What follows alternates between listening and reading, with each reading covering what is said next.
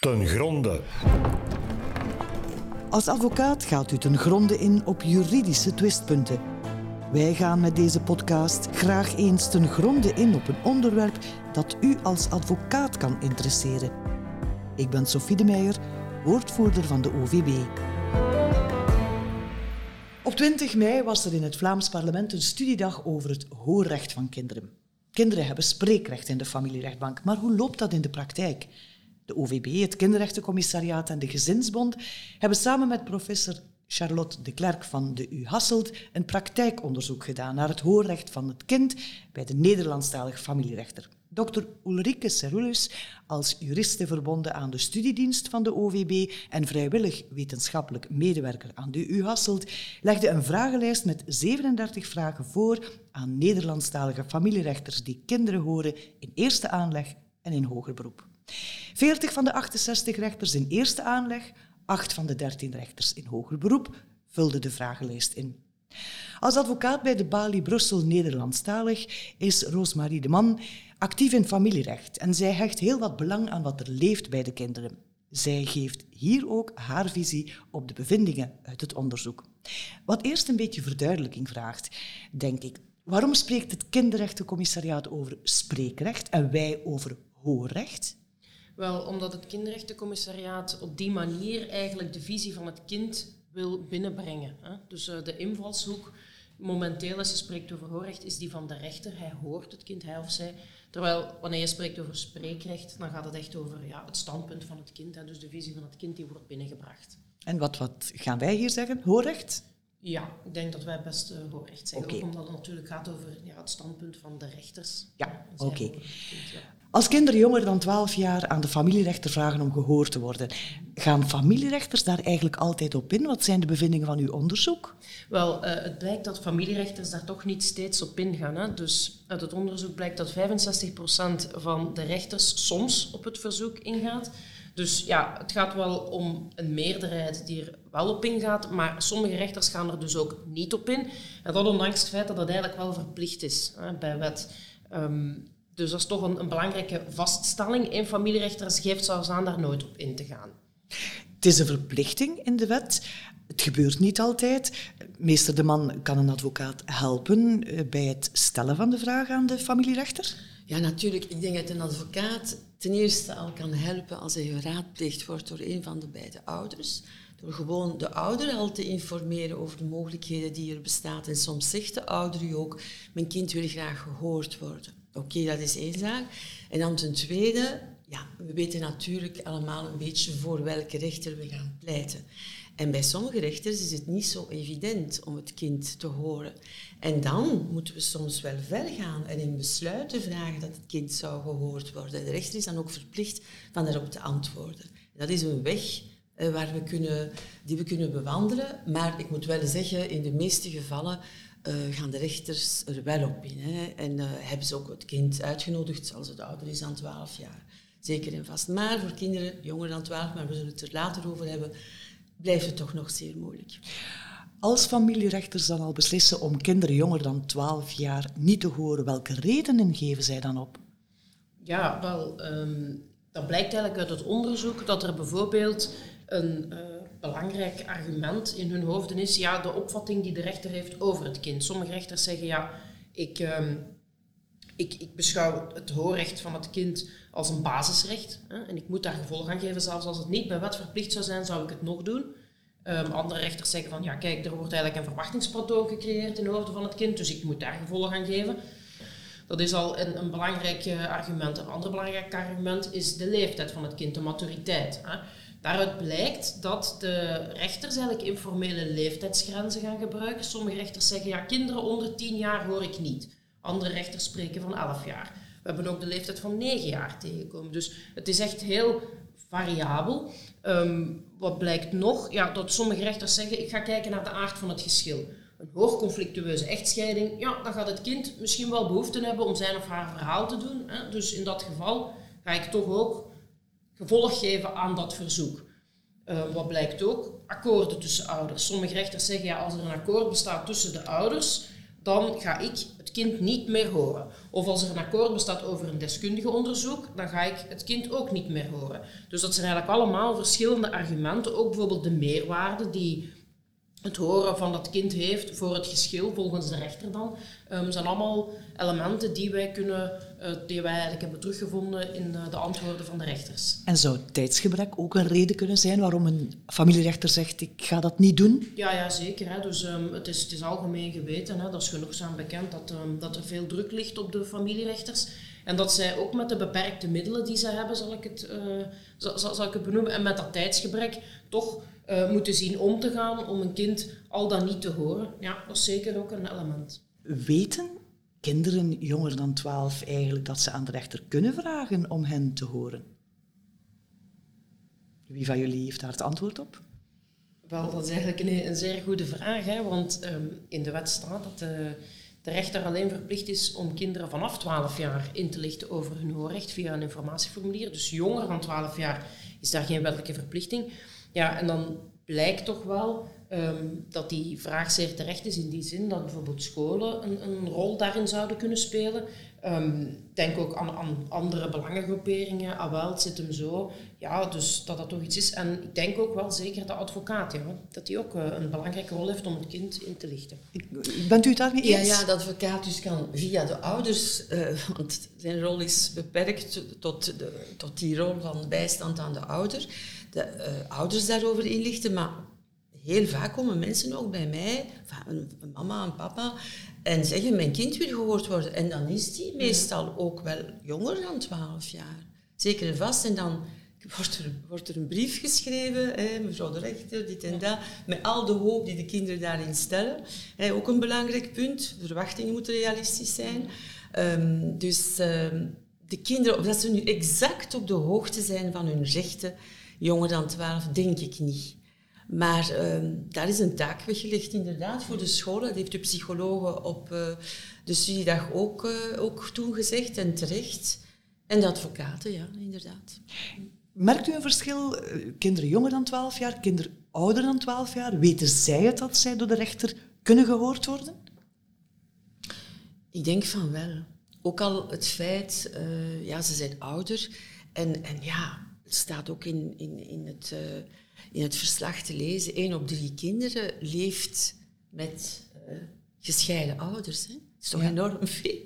En, en dus er zijn de vriendjes, er zijn uh, communicatie, media. er wordt toch wel veel over gesproken. Dus ik denk dat, het, dat 12-jarigen, meer dan 12-jarigen, het inderdaad bewust weten, meer weten dan jongere kinderen. Is dat ook uw bevinding? Wel, officieel, of zou zeggen, bij wet is het verplicht dat de rechter hen inlicht, hè, kinderen ouder dan 12 jaar. Maar uit het onderzoek blijkt toch wel um, dat dat eigenlijk niet steeds gebeurt, dat ze niet steeds een informatieformulier krijgen toegezonden. Um, daar worden dan ja, toch bepaalde redenen voor aangegeven, zoals bijvoorbeeld um, een rechter die zegt, ja, ik ga maar een informatieformulier toezenden wanneer ik het gesprek met het kind nuttig acht, wanneer dat nuttig zou zijn voor mijn beslissing. Uh, andere rechters zeggen van ja, ik bespreek dat ter zitting met de ouders. Um, dus dat zijn eigenlijk allemaal elementen die er dan voor zorgen dat ja, niet alle rechters die dat informatieformulier gaan toezenden aan die kinderen ouder dan 12. We hebben het nu net gehad over kinderen jonger dan uh, 12 jaar, kinderen van 12 jaar en ouder. Wat vindt u als advocaat over dat verschil dat er gemaakt wordt, die, die leeftijdsgrens? Ja, het hangt natuurlijk af van kind tot kind. Bepaalde kinderen zijn, zijn inderdaad meer matuur dan anderen, ook jonger dan 12. En hebben ook een verhaal te vertellen waar er naar moet geluisterd worden. En daarvoor, uh, ik vond het interessant wat uh, professor de Klerk gezegd heeft over Nederland. Dat daar de tendens is dat de kinderen vanaf acht jaar, dat is het beleid dat nu gevoerd wordt, dacht ik uh, begrepen te hebben, dat vanaf acht jaar toch uh, daar kinderen gehoord worden. Dus ik vind dat wel een, een goede evolutie. Jonger dan acht, ja, het kan. In theorie zou het kunnen. Maar ik denk dat daar de terughoudendheid van de rechter toch nog groter zal zijn. Maar vanaf acht jaar meen ik wel dat het zou moeten mogelijk zijn, ja. ja. Ander aspect, als een kind of jongere vraagt of er een vertrouwenspersoon het gesprek mag bijwonen, wat antwoorden de familierechters dan? Ja, wel, um, dan blijkt eigenlijk uit het onderzoek dat bijna de helft van de bevraagde familierechters op verzoek van het kind, dus meestal of in uitzonderlijke omstandigheden toch, gaat toelaten dat een vertrouwenspersoon aanwezig is. Want in de rechtsleer staat ook van dat de, de familierechter kan beslissen, kan toelaten dat in uitzonderlijke omstandigheden zo'n vertrouwenspersoon aanwezig is. En ja, dat kan dan op verzoek van het kind zijn, op verzoek van de ouder of ambtshalve. Nu zelf zijn ze nog niet, zijn ze niet zeer geneigd om daar zelf een vertrouwenspersoon op, dus ambtshalve toe te laten, maar wel op verzoek van het kind. Dan gaat bijna de helft van de familierechters daar toch gevolg aan geven. En wie is dan die vertrouwenspersoon? Is dat dan soms een advocaat die minderjarigen bijstaat? Kan een advocaat zijn, ja. Dus um, dat antwoord hebben we ook gehad. We hebben ook um, een paar keer een psycholoog, een leerkracht, een begeleider van de voorziening. Ja, allemaal. Meester de Man, wat zou de meerwaarde zijn van een advocaat om, om op te treden als vertrouwenspersoon? Wat ik nu aan denk, omdat ik de laatste tijd toch geconfronteerd geweest ben met een aantal misstanden, dat is dat er daar een garantie is, ergens door de aanwezigheid van een advocaat, dat die auditie goed verloopt. En dat respectvol naar het kind toe.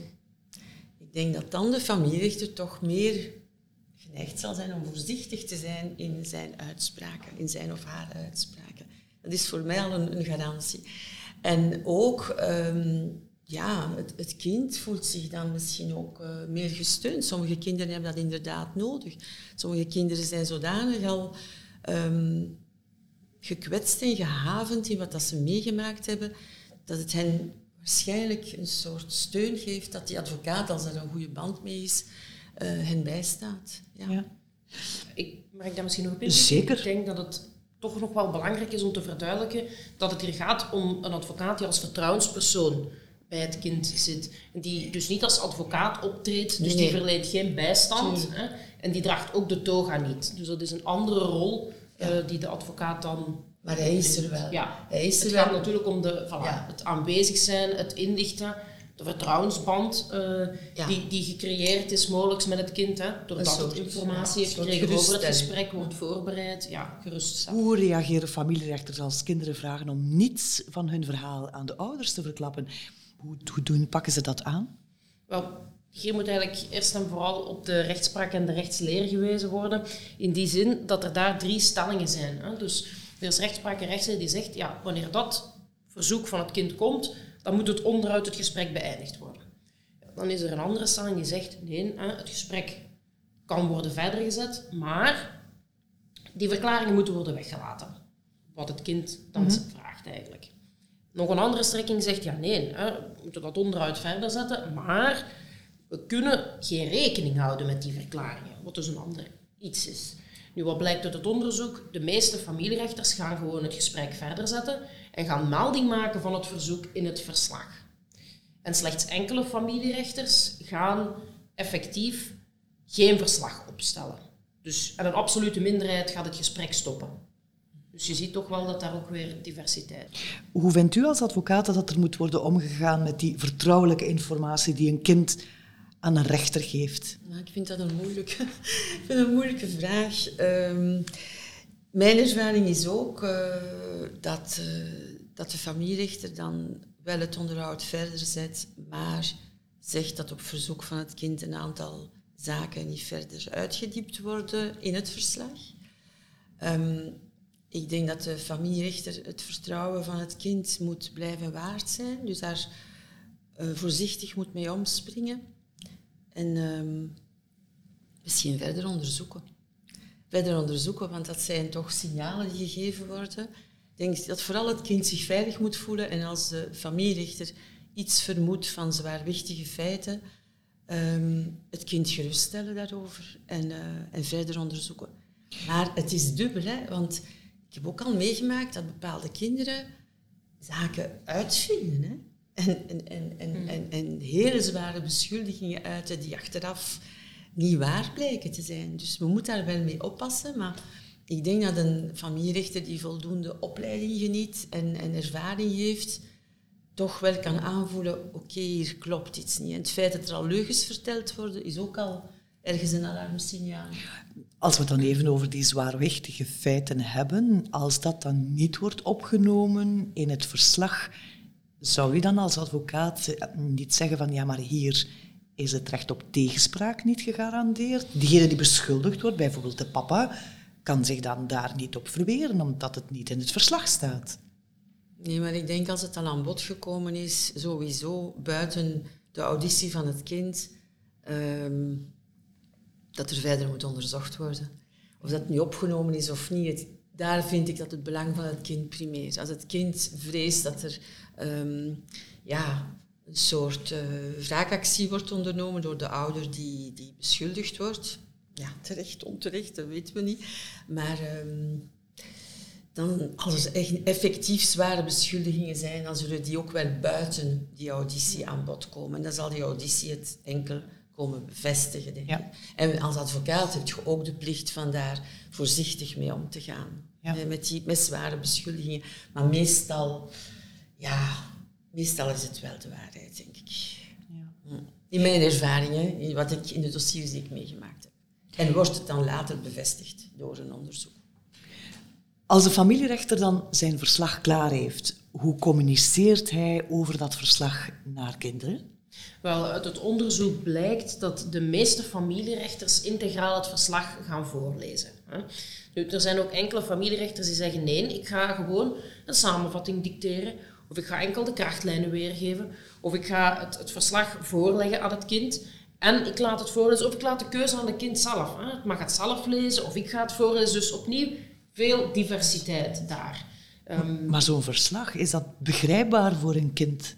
Wel, ja, die vraag rijst natuurlijk. Hè. En ik denk opnieuw dat daar uh, de advocaat als vertrouwenspersoon toch wel een belangrijke rol kan spelen om het meer toe te lichten. Hè. Om het ja, duidelijker... Uh... Ja, inderdaad. Inderdaad, en ook de aanbeveling die er gebeurd is op, uh, op de studiedag, laat het kind ook de tijd, hè, want we zijn er nog niet aan toe dat er daar een advocaat gaat bij, gaat bij zitten. Laat de kind, het kind toe van het verslag rustig te lezen misschien, terwijl dat een ander kind geauditioneerd wordt. Dat is misschien nu een, een, een, een goede zaak om mee te nemen. En als er een advocaat bij is, ja, dan zal de advocaat het kind daarbij helpen. Misschien ook uitleggen, dat heeft de, rechter juist bedoeld. Want inderdaad is het allemaal vatbaar en, en, en, en kan het kind het allemaal goed begrijpen wat er neergeschreven geweest is. Ehm, en ook, waar nodig, corrigeren of uh, aanvullingen laten gebeuren. Want niet vergeten, het kind is onder de indruk van zo'n auditie. Dus dan verliest het ook al een beetje zijn middelen misschien. Het hangt er ook af, eh, hangt af van de persoonlijkheid van het kind. En daar kan de advocaat zeker ook nog een nuttige rol spelen. Wat bedoelt u dan precies met eventueel corrigeren? Ja, moesten er dingen opgeschreven zijn die niet helemaal beantwoorden aan wat het kind heeft willen zeggen? Ja, ja dat, gebeurt wel, hè? Dat, dat blijkt ook wel uit het onderzoek. Dus dat ehm, wanneer het kind vraagt om bepaalde passages te schrappen of te verbeteren, dat eigenlijk de meeste rechters daar wel op ingaan. Hè, omdat ze zeggen, ja, het is, uh, we horen hier het kind, dus het is het recht van het kind om te spreken. Is het ook het recht om iets te mogen verbeteren, om iets te mogen aanpassen, om iets te verduidelijken bijvoorbeeld. Of het, het verhaal van het kind staat centraal, dus hoe kan ik weigeren aan dat kind dat zijn of haar verhaal komt vertellen, om daar dan toch nog iets aan aan te passen. Andere rechters zeggen van ja, let op, ik doe dat wel, maar in uitzonderlijke omstandigheden. En dan halen zij zeer vaak aan, wanneer het kind kwetsende woorden heeft gebruikt ehm, naar de ouders toe, ja, dat die rechter dan gaat zeggen van ja, ik ga toch wel ehm, die ouder beschermen in die zin. En dus ja, die passage dan, uh, ga ik dan toch toestaan dat dat uh, verbeterd wordt of eventueel uh, gewijzigd wordt. In hoeverre speelt de uitleg van het kind eigenlijk een rol bij de uiteindelijke beslissing van de familierechter? Ja, wel, daar blijkt in het onderzoek dat eigenlijk meer dan de helft van de rechters zegt, ja, die informatie is voor ons aanvullend. Die is niet doorslaggevend, maar wel aanvullend. Dus dat is toch een belangrijke vaststelling. Het hangt onder meer af, opnieuw, van de leeftijd, maturiteit van het kind. Um, de verklaring van een kind van 17 jaar zal dan iets zwaarder doorwegen dan die van een kind van bijvoorbeeld 12 jaar. Ehm, ook werd er gevraagd naar, ja, verwijzen jullie dan uitdrukkelijk in die rechterlijke beslissing naar de mening van het kind? Hè? En dan blijkt opnieuw dat iets meer, van, iets meer dan de helft van de rechters toch wel verwijst uh, naar die beslissing, zij het in beperkte mate. Sommigen, maar dat is een minderheid, zeggen van ja, wij verwijzen daar in grotere mate naar. Nu, afhankelijk van opnieuw Ehm, de maturiteit van het kind wordt er in meer of mindere mate naar verwezen. Maar ook, en dat is ook belangrijk, ehm, de band met de ouders. Hè. Dus er zijn rechters die uitdrukkelijk zeggen van ja, wij willen niet het kind in slechtere papieren brengen of in moeilijke relatie met zijn ouders brengen door uitdrukkelijk te verwijzen naar de mening die hij of zij geuit heeft. De verantwoordelijkheid van de beslissing ligt bij de rechter en ligt niet bij het kind. Dus zij willen niet die last op het kind leggen.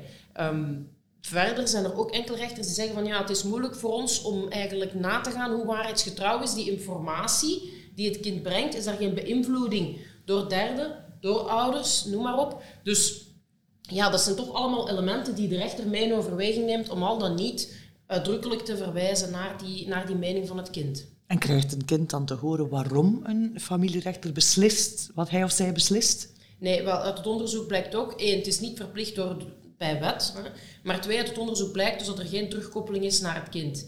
Um, opnieuw denken wij daar dat, of ja, ik zal zeggen, denk ik daar dat er een, een rol kan weggelegd zijn voor de advocaat. Uh, die dus niet alleen het gesprek mee kan helpen voorbereiden, maar ook nadien de terugkoppeling. Wat gebeurt er met die informatie? Dat is een belangrijke rol. En kinderen willen daar ook uitdrukkelijk meer over weten. Hè? Dus het is wel belangrijk dat dat zeker wordt opgenomen. Wat ik nu vooral meeneem uit het onderzoek van uh, Ulrike Serlus, is dat er een heel grote diversiteit in aanpak is bij de familierechters over de wijze waarop ze het verslag maken, over de inspraak die het kind krijgt, de houding van de rechter.